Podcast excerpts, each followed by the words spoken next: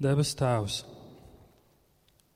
mēs esam tik trausli, mēs esam tik ievainojami. Vienu brīdi mūsu dzīve liekas, ir tik stabila, un viss ir tik labi. Un viena ziņa visu var izmainīt. Mēs varam sabrukt. Tēvs, es ļoti lūdzu, ka tu runā caur savu vārdu, ka tu māci mūs un ka mēs pēc šodienas kļūstam stiprāki tevī. Un ka mūsu lielīšanās, mūsu prieks, ir to kungs. Palīdz, lai mūsu sirdis ir atvērtas, lai mūsu ausis ir klausīgas, ka mēs sadzirdam un saprotam, un ka mums ir spēks darīt tā, kā tu mums māci. To es lūdzu Jēzus vārdā. Āmen. Lūdzu, sēdieties. Labdien, Vīlans draudzene. Mani sauc Raimons. Es esmu šīs draudzes diekons un, uh, prieks, uh, prieks tās reizes, kad var būt priekšā un, un, un, uh, un uh, sludināt. Uh, kaut arī arvien vairāk apzinos, cik liela atbildība tā ir un cik, cik diezgan sarežģīti tas ir. Bet uh, ir prieks kopā kalpot arī ar mācītāju Girtu, ar Markusu un ar, ar, ar citiem un, un domāt par, par Dievu vārdu. Es ceru, ka tie, tie no jums, kas eh, jūs esat regulāri Vīlandē un, un eh, mēs ejam cauri jēgu vēstulē, es ceru, ka tas tavā dzīvē dod tādu uh, skaidrību. Un ka tev ir skaidrs un daudz skaidrāk, ka tev ir tā dieva gudrība, par ko Jēkabs arī runā, uh, un ka tu zini, kas ir tās lietas, kas tavā dzīvē ir jāmaina, ko vajadzētu pārtraukt darīt un ko vajadzētu sākt darīt. Un es domāju, pagājušā reize bija arī diezgan liels izaicinājums, kad mēs domājam par, par eh, to, kā mēs runājam viens par otru. Par savu, atkal par savu, par savu mēli un, un kas ir tās domas, ko mēs sakam viens par otru. Bet šodien mums šodien mēs nobeidzam ceturto nodaļu. Un es aicinu ka tevi, ka ņem bībeli priekšā, savu telefonu bībeli, savu brīļu bībeli. A brīļu bībeli vēl nav, tas vēl nav izgudrots, drīz būs. Vienkārši ņem jebkādu bībeli, kas tev ir, un ņem priekšā un seko līdzi. 4. nodaļa, 13. līdz 17. pants. Vai tev ir kādreiz tā bijis, ka tu kādam atklāji savus plānus par kaut ko, ko tu vēlies paveikt? Ir tā bijis. Tu vari pamāt galviņu, jā, ir tā bijis. Un vai pēc tam ir bijis tā, ka tā, tie plāni neizdodas? Ot nepiepildījās. Ne? Un eh, vai esi kādreiz noklusējis kādus savus plānus kādam, jo baidījies, ka izstāstot tie var neizdoties? Tev ir tā bijis. Tu vari pamāt ar galviņu, vai arī teikt, nē, nav bijis.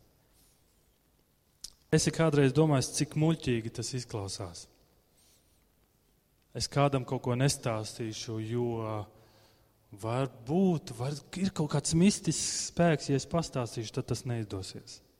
Ne? Ir kaut kā tā licies. Citi to sauc par mājiņticību, un, un savā ziņā tā ir. Un es šodien ticu, ka Dievs vēlas mums caur šiem pantiem kaut ko svarīgu pateikt. Pats Dievs caur savu vārdu. Un šodienas vārdi, ko saka Jēzus pusbrālis, viņš sāka, viņš šo vēstuli, jēkab vēstuli, viņš sāk ar sevi. Tad, kad tu atšķir pirmo nodaļu, pirmais pants, tu redzi jēkabs lielās. Ar ko viņš lielās? Viņš lielās ar to, ka viņš ir kalps.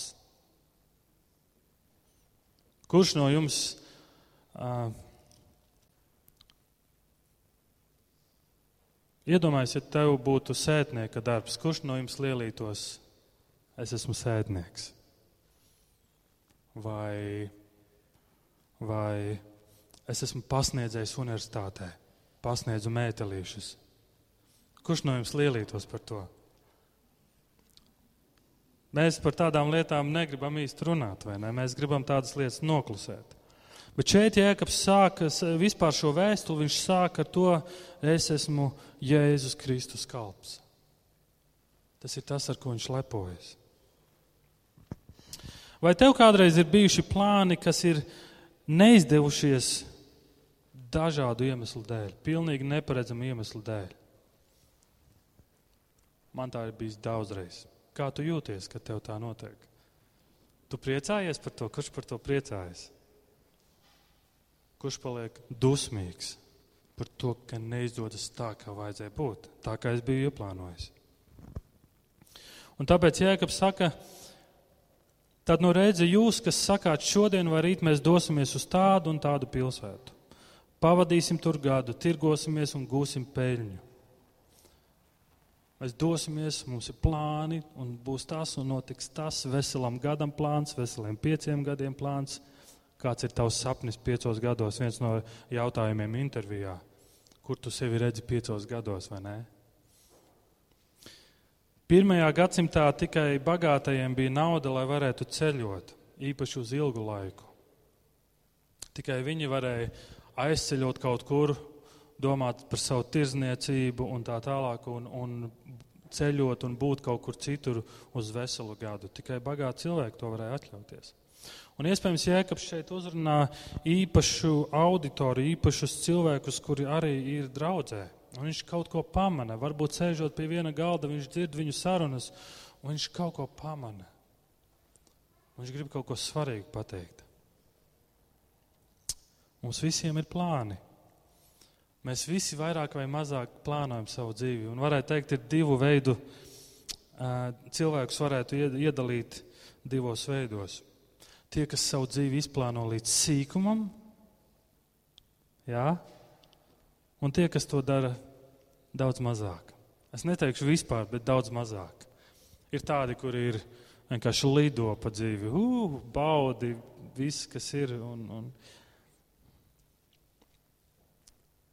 Ir kādi, kuri izplāno visu līdz pēdējiem sīkumam. Tas ir manas dzīves plāns, tas ir mērķis. Un ir kādi, kuri vispār to nedara vai dara to mazāk. Bet paklausi, paskatīsimies, ko Bībele saka par dzīvi un plāniem. Salamana pamācības 16.9. Cilvēks lem sirdī, iešu te, taču kungs liek viņa soļus. Lūkas 12. nodaļas 22 līdz 26. Un viņš sacīja saviem mācekļiem: Tādēļ es jums saku, nezūdieties savas dzīvības dēļ, ko ēdīsiet, ne savas miesas dēļ, ko vilksiet mugurā, jo dzīvība ir vērtāka nekā barība, un miesa nekā drēbes. Mēs lemjam, mēs plānojam. Bet Bībele saka arī mums neuztraukties un nezodieties. Šie panti, šie daži panti un arī daudzi citi panti mums atklāja ļoti svarīgas lietas. Un pirmā lieta, ko atklāja, ka patiesībā mēs neko nekontrolējam. To kontrolē, visu kontrolē Dievs. Ja mēs meklēsim viņu, viņš mums tuvosies. Pirms divām nedēļām par to runājām. Un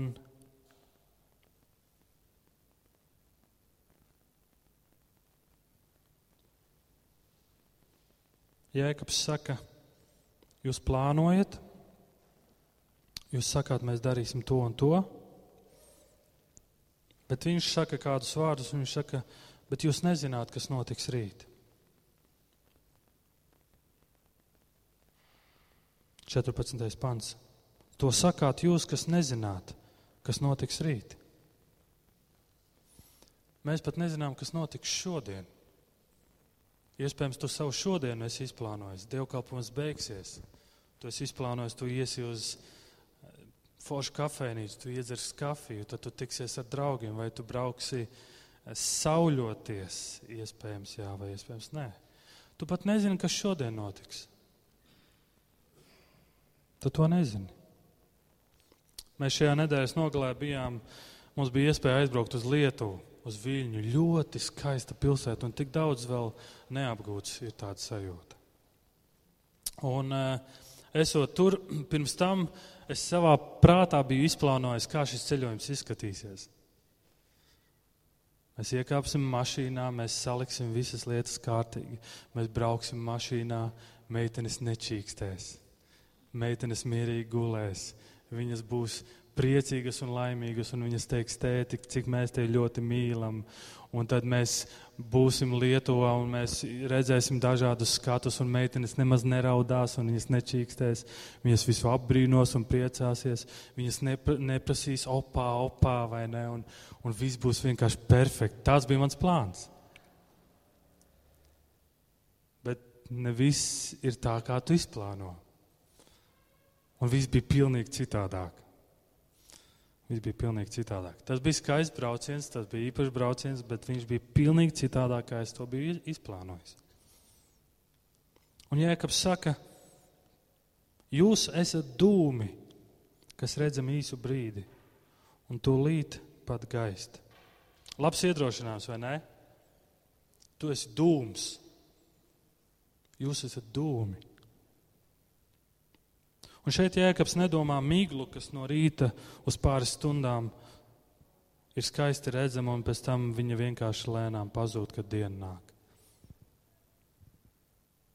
Kurš no jums smēķē? Atvainojiet, kurš no jums uh, ir smēķējis kādreiz? Un tu ievelc dūmu. Un viss. Jēkabs saka, tāda ir tava dzīve. Ziemā dvaša, izpūt dvašu.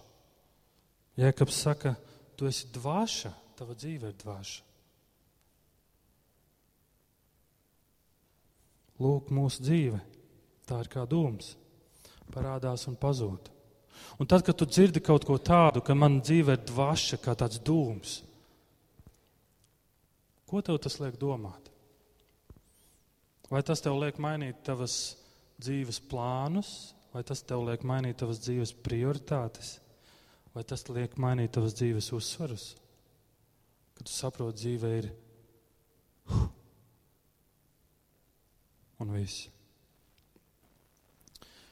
Eugene O'Kelly sarakstīja kādu grāmatu, kuras nosaukums ir Chasing the Daylight. Laikam, dzenoties pēc dienas gaismas, laikam būs pareizs tulkojums. Un šis cilvēks, šis vīrs sarakstīja grāmatu tad, kad viņš aizgāja pie, viņš bija vizītē pie doktora. Un pie doktora viņš saņēma ziņu, ka viņš dzīvos tikai simts dienas. Aiziet pie doktora, un doktors saka, tev vēl ir simts dienas palikušas, ko dzīvot. Un tā nu viņš izdomāja, ka šajās simts dienās viņš sarakstīs grāmatu, kas ir tas, ko tu spēj darīt, ko tu spēj izdarīt simts dienās. Šo grāmatu pabeidza viņas, viņas sieva. Ko tu darītu, ja tu zinātu, ka tev ir palikušas simts dienas? Cik ilgi tu plāno dzīvot? 80. Stipri tie, kas līdz 80. Un mēs ātri aizmirstam lietas. Mēs ātri aizmirstam traģēdijas. No vienas puses tas ir labi, bet no otras puses, man liekas, šīs lietas parāda tādu dzīves realitāti.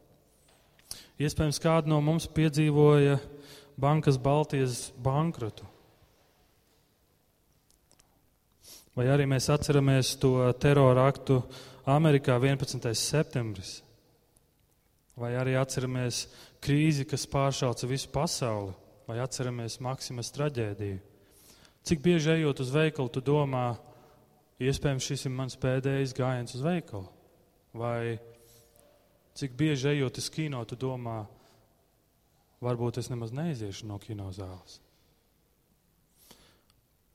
Jēkabs saka, mūsu dzīve ir kā dūmi, un mēs esam ļoti trausli. Mēs esam ļoti trausli. Jūs sakāt, mēs darīsim to un to un to, un tu ieplāno savu dzīvi, tev ir savi plāni un lietas. Bet Jēkabs saka, bet tava dzīve ir dūmi, un tu to nezini. Kas mainītos, ja tu to zinātu, kā tu plānot savu dzīvi?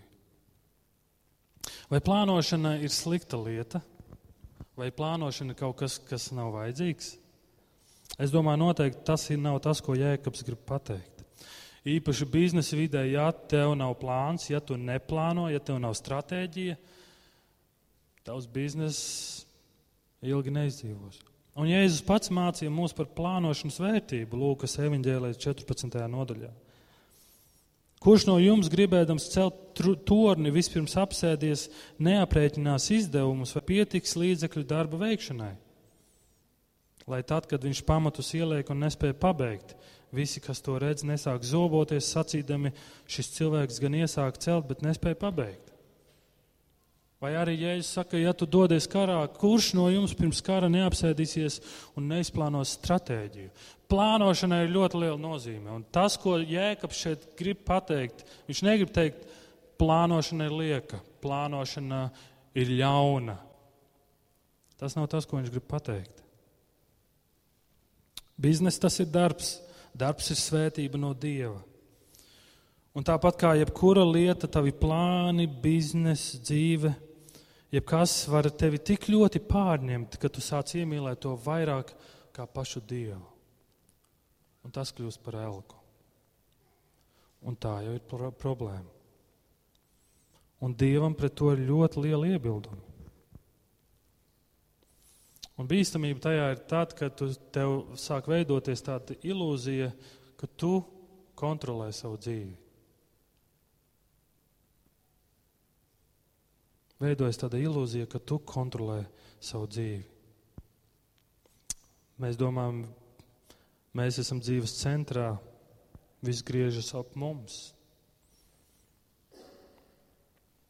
Jēkabs saka, 16. pantā, jūs savā augstprātībā lielāties, bet tik viena tāda lielīšanās ir ļaunums. Ko nozīmē lielīties? Tas ir celt sevi ar vārdiem. Tu lielies par kaut ko, tu kaut ko izrādi. Lielīšanā, lielīšanās tās ir sekas kaut kam. Tas ir rezultāts. Un grieķu valodā šis vārds lielīties, viņam ir vairākas nozīmes. Tas var būt kaut kas pozitīvs, un tas var būt, tas var būt kaut kas pozitīvs, un tas var būt kaut kas negatīvs. Šis vārds nozīmē arī lepoties. Šis vārds nozīmē arī priecāties. Romiešiem 223. Tu, kas ar bauslību dižojies, tu pats to pārkāpdams apkauno Dievu. Tu, kas ar bauslību dižojies, lielies, ka tu zini likumu. Romieši 5.2. Caur viņu mēs ticībā esam mantojuši ceļu uz šo žēlastību, kurā mēs stāvam un lepojamies par cerību uz dievišķo godību. Kaut kas pozitīvs, tu lepojies, tu priecājies ar kaut ko, par cerību uz dievišķo godību. Tu lepojies ar to, ko Kristus ir tavā tevis dēļ paveicis. Un 1. korintiešiem 1.31. Lai būtu, kā ir rakstīts, kas dižojas, lepojas, priecājas, tas lai dižojas kungā. Tas lai dižojas kungā. Mēs jau iepriekšējās reizes esam skatījuši, ka Jēkabs arī saka, Dievs stājas pretī lepnējiem. Dievs stājas pretī lepnējiem.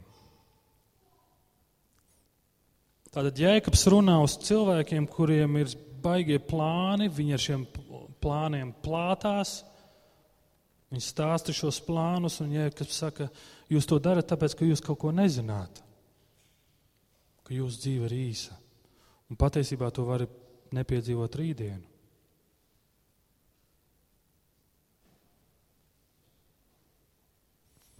Un kas ir tas risinājums? jebkas būtu tas pretējais, kam būtu jābūt. Jēkaba 4.15. Tā vietā, lai jūs sacītu, ja kungs gribēs, tad dzīvosim un darīsim tā vai citādi. Esi dzirdējis šos vārdus? Esi dzirdējis, ka kādi cilvēki to regulāri saka. Citreiz ir bijis tā, tu satiecies ar kādiem ar kādiem mācītājiem un, un, un vai, vai ar kādiem citiem kristiešiem, un, un ne visi, bet ir kādi, kuri tā, šos, šos vārdus ļoti uzsver. Viņi saka, nu tad, ja Dievs ļaus dzīvot, tad tiksimies tad un tad. Ja Dievs ļaus dzīvot, tad tiksimies tad un tad. Un tad, kad šie, šie brāļi šos vārdus saka, es redzu, ka viņi to nesaka tikai uh, kā tādu formulu. Jēkabs saka, saki tos vārdus. Un šī arī nav formula. Mums nav tagad jāsaka katru reizi, kad mēs plānojam, ja kungs gribēs, tad es darīšu to un to. Tev nav jāiet uz kafejnīcu un jāsaka, ja kungs gribēs, es pasūtīšu šīs pankūkas. Vai tev nav jālieto visur šie vārdi, bet šeit ir kāds princips, kāda galvenā ļoti svarīga doma. Šī nav formula. Kaut arī mēs gribētu iedot man formulu vai nē, kas man jādara. Bet Jēkabs grib, lai katrs šīs vēstules lasītājs kaut ko saprot. Un Jēkabs pirmajā nodaļā saka un saka, es esmu Kristus kalps. Lūk, Jēkaba lepošanās, lūk, Jēkaba prieks, motivācija un dzīves jēga. Un arī Jēkabs vēlās, lai ik viens, kurš klausās šos vārdus, tiecas pēc tā un lepojas, ka mēs piederam Kristum un esam viņa kalpi. Ka tu varētu teikt, visa mana dzīve pieder Dievam, visa mana ģimene pieder Dievam, visi mani plāni pieder Dievam, un visi mani plāni ir saskaņā ar Dievu. Viss mans bizness, visa mana nauda, viss mans laiks, visi mani nodomi pieder Dievam.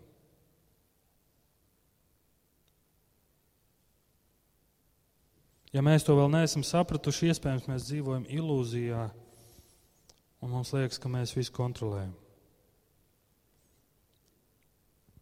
Atcerieties, Jēkabā 4,7.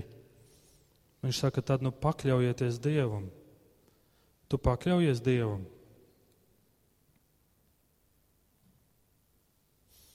Tas nav par to, kā mēs pasakām lietas. Tas ir par mūsu sirds stāvokli. es darbojos uh, starptautiskā organizācijā, kas saucās Jusā Venture, un eh, bezpeļņas organizācija, kas darbojas, eh, kas darbojas ar jauniešiem Eiropā. Un šīs organizācijas prezidents stāstīja tādu, pavisam nesen stāstīja stāstu iz dzīves, savu piemēru, savu pieredzi. Un viņš stāstīja, ka kādā brīdī viņš esot sajūtis, ka, viņš, ka viņam sāp sirds. Ka viņš īsti nejūtas labi. Viņš aizgāja, aizbrauca pie doktoriem, pārbaudīja savu sirdi. Un, un tur izrādījās, ka viņam ir sirds aritmija. Un, eh, Tāpat laikā viņš, viņš dzīvo Čehijā, viņš izdzirdēja, ka Čehijā atrodas viņa labs draugs. Uz Čehiju atbraucis viņa draugs, kurš ir sirds ārsts. Viņš piezvanīja savam draugam un teica, klausies, paņem tu to savu sirds aparātiņu un atbrauc pie manis.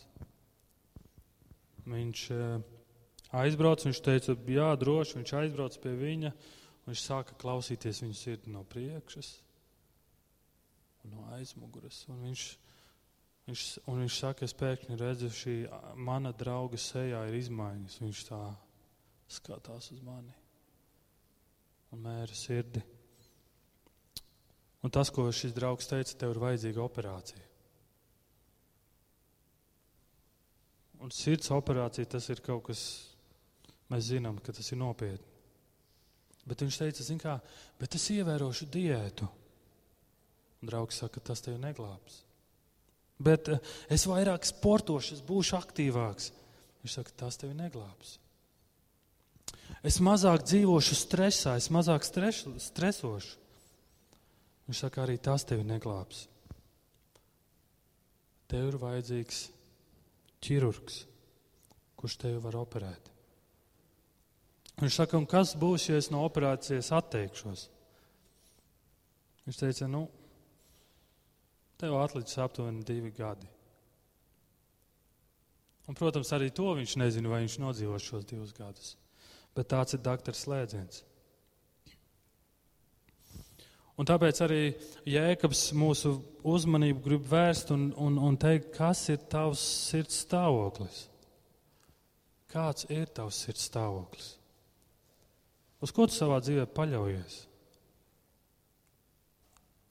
Uz ko tu liec savu cerību? Un ja tu pēkšņi pamani, ka tavs sirds stāvoklis, ka tavs sirds ir slima, tu vari darīt daudz labus darbus, tu vari dot daudz naudas. Bet, ja tava sirds nav kārtībā ar Dievu, tev ir vajadzīga operācija. Un sākumā tās ir sliktas ziņas, vai ne, kad tu saņem šādas ziņas. Bet pēc tam tās ziņas kļūst par labajām ziņām, jo tu zini, kas tev ir jādara un ka tur ir ķirurgs, kurš tev grib palīdzēt. Cilvēks raug, raugās ar acīm, bet kungs redz sirdī.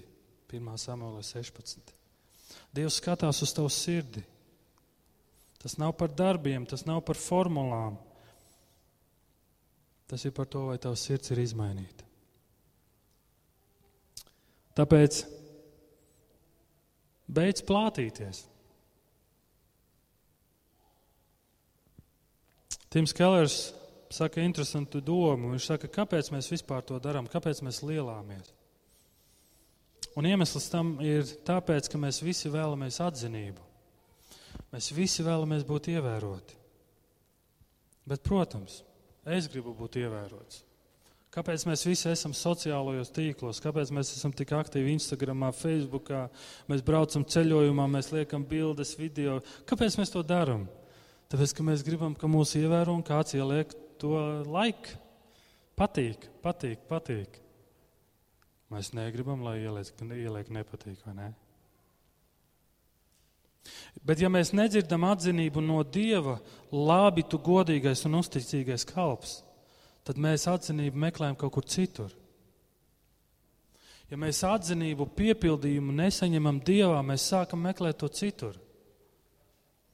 Mēs audzinām bērnus tā, lai iznākums būtu labs un lai mēs ar bērniem varam lepoties.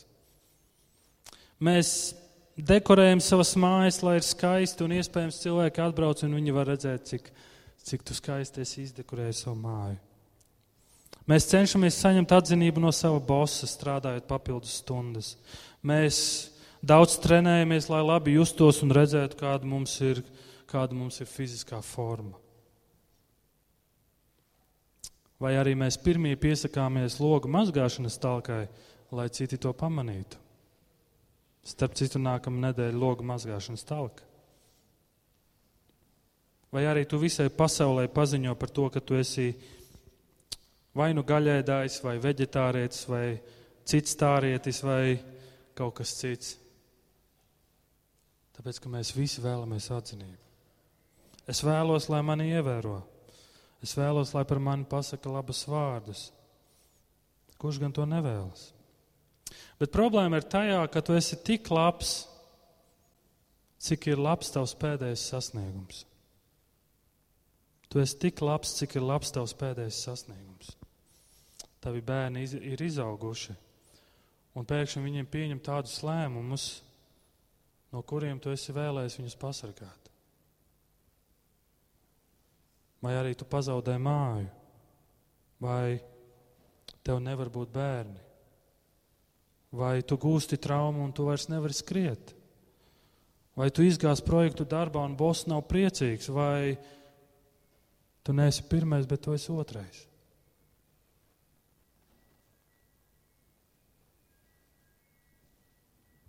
Un problēma ir tajā, ka pēkšņi tas viss var sabrukt, kā tad dūmi, un vairs nav. Bet Kristus dod citu risinājumu.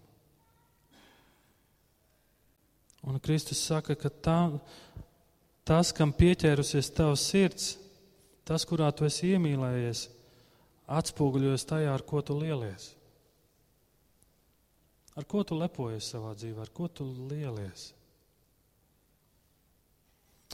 Mācītājs Girts lasīja šo līdzību, ko saka Jēzus par bagāto muļķi. Mēs varam redzēt, kāpēc viņš bija bagāts, jo viņam bija daudz zemes, viņam bija daudz augļu, viņam nebija vairs kur likt. Viņš uzbūvēja lielākus šķūņus, vai ne? Un tas, ko viņš teica sev, sēdi, atpūties tagad un baudi dzīvi. Un tad atnāk Dievs un saka, klausies, šajā naktī tev tava dzīvība tiek paņemta no tevis. Un tad mēs lasām, tā notiek tam, kas krāj tikai sev, bet netop bagāts Dievā. Netop bagāts Dievā. Vai tu esi bagāts Dievā? Vai tu gribi būt bagāts Dievā? Vai tu vispār, vai tev ir sapnis, vai tu iedomājies, ko nozīmē, kā tas izskatās, kad es esmu bagāts Dievā? Ka mans prieks ir Dievā.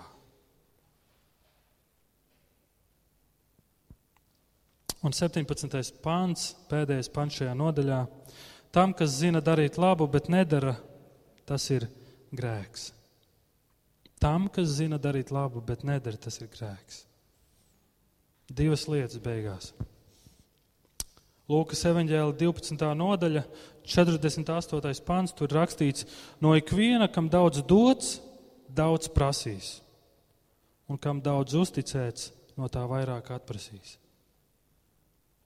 Un mēs iepriekš esam skatījušies, kas ir jēkabs aicinājums. Jēkabs visu laiku mūs uz kaut ko aicina. Un apsieties, uz ko viņš aicina no 7. panta. Tad nu pakļaujieties Dievam, Stājieties pretī vēlnam, un tas bēgs no jums. Tuvojieties Dievam, un Viņš tuvosies jums. Notīriet rokas, grēcinieki, un šķīstiet sirdis, jūs, kas esat divkoši dvēselē. Bēdājies vaimanā un raudi, tavi smiekli, lai pārvērsti vaimanās un prieks bēdās. Pazemojies kunga priekšā, un viņš jūs paaugstinās. Pirmajā nodaļā mēs lasām, ja tev trūks gudrība, ko darīt? Lūdz pēc tās un Dievs tev to dos. Cilvēki, kas saka, šie cilvēki, kas saka, rīt mēs darīsim šodien, vai rīt mēs dosimies uz tādu un tādu pilsētu, pavadīsim tur gadu. Un tie cilvēki, kas tā lepojas, viņiem ir pasaulīga gudrība. Bet dieva gudrība, cilvēks, kurš ir bagāts dievā, teiks, ja kungs gribēs, tad dzīvosim un darīsim tā vai citādi.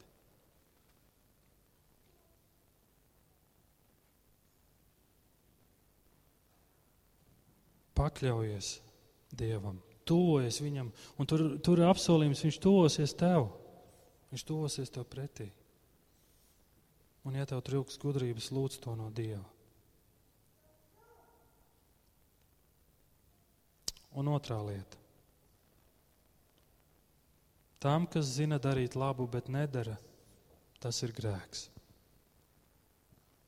Nobeigšu ar Lūkas desmitās nodaļas no 25. lasījuma. Lai šie vārdi paši jums liek domāt un saprast, ko tad Jēzus grib pateikt. Un redzi, kāds likuma zinātājs piecēlās un sāka viņu pārbaudīt, sacīdams: Skolotāji, kas man jādara, lai iemantotu mūžīgo dzīvību? Viņš tam sacīja: Kā ir bauslībā rakstīts? Kā tu tur lasi? Tas atbildēja: Mīli kungu, savu dievu no visas savas sirds un no visas savas dvēseles, un ar visu savu spēku, un ar visu savu prātu, un savu tuvāko kā sevi pašu. Jēzus tam sacīja, tu pareizi esi atbildējis, dari to, un tu dzīvosi. Bet viņš gribēdams attaisnoties Jēzum jautājumu, kurš ir mans tuvākais? Jēzus atbildēja stāstījams, Kāds vīrs bija ceļā no Jeruzalemes uz Jēriku, un viņš krita laupītāju rokās. Tie viņu aplaupījuši un sasituši, atstāja pusmirušu guļam un aizgāja. Gadījās, kāds priesteris gāja pa to pašu ceļu un viņu ieraudzīja, bet pagāja garām. Tāpat arī kāds levīts tajā vietā atnācis, viņu ieraudzīja, bet pagāja garām. Bet kāds samarietis savu ceļu iedams nonāca pie viņa, un viņu redzot, sirds tam iežēlojās. Pienācis klāt, viņš pārsēja viņa brūces, uzliedams eļļu un vīnu un uzcēlis viņu uz savu lopu, aizveda to uz viesnīcu un aprūpēja. Otrā rītā izvilcis divus denārijus. Viņš iedeva tos viesnīcniekam un sacīja: Aprūpē viņu, un ja tu vairāk iztērēsi, atnācis, es tev atdošu. Kurš no šiem trim tev šķiet tuvākais bijis tam, kas krita laupītāju rokās? Viņš sacīja: Tas, kas parādīja viņam žēlsirdību. Un Jēzus viņam sacīja: Ej un dari arī tāpat. Tur gāja priesteris, un viņam bija savi dzīves plāni. Viņam bija savs dienas plāns. Tur gāja kāds levīts, kuram arī bija savs dienas plāns. Un tad kāds samarietis, starp citu, viņam arī bija savi plāni. Un redziet, Jēkabs aicina nevis tikai lie, uz lietām, ko mums nedarīt, bet viņš aicina uz lietām, ko mums darīt. Bībele aicina uz lietām, ko mums darīt, ko mums ir jādara. Un ja mēs zinām, ko darīt, ja mēs zinām, ko darīt, bet nedarām, tas ir grēks. Ja Dievs šajā brīdī tev kaut ko saka, un tavā sirdī tas neliek tev mieru, un tu to ignorē un neklausi, tu nebūsi svētīts, tu, tu nebūsi laimīgs.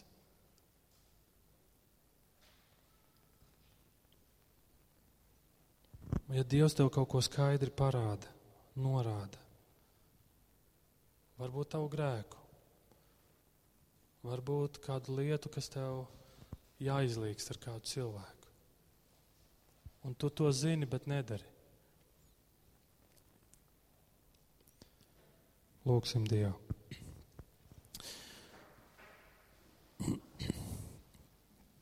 Devis Tēvs, paldies par Tavu vārdu, paldies par to, ka mēs šodien varējām domāt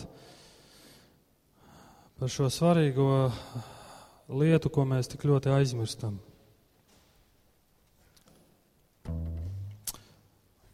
Ja es šeit stāvu priekšā un es joprojām kaut kur zemapziņā, man liekas, ka es dzīvošu ilgus gadus.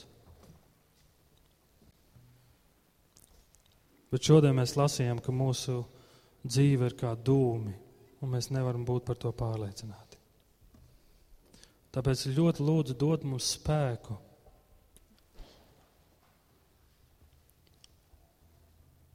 Pazemoties tavā priekšā.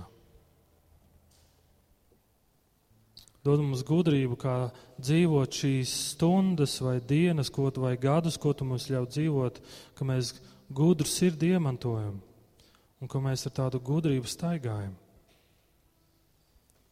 Un es ļoti lūdzu, palīdzi, ka tas, ar ko mēs lepojamies savā dzīvē, esi tu. Un lepoties, es domāju, ka mūsu cerība, mūsu prieks, mūsu piepildījums ir tevī. Ja es tu redzi mani, un tu redzi, cik ļoti man tas ir nepieciešams, palīdz man priecāties tevī, lepoties ar tevi. Un, uh, apkārtējiem nevajadzēs nemazām jautāt, bet apkārtēji to noteikti pamanīs. Ja mūsu cerība un prieks esi to Kristu. Un tā būs vislabākā liecība šai pasaulē. Palīdz mums būt taviem lieciniekiem un palīdz mums lielīties ar to, ko tu Kristu esi paveicis. Tavā vārdā. Āmen.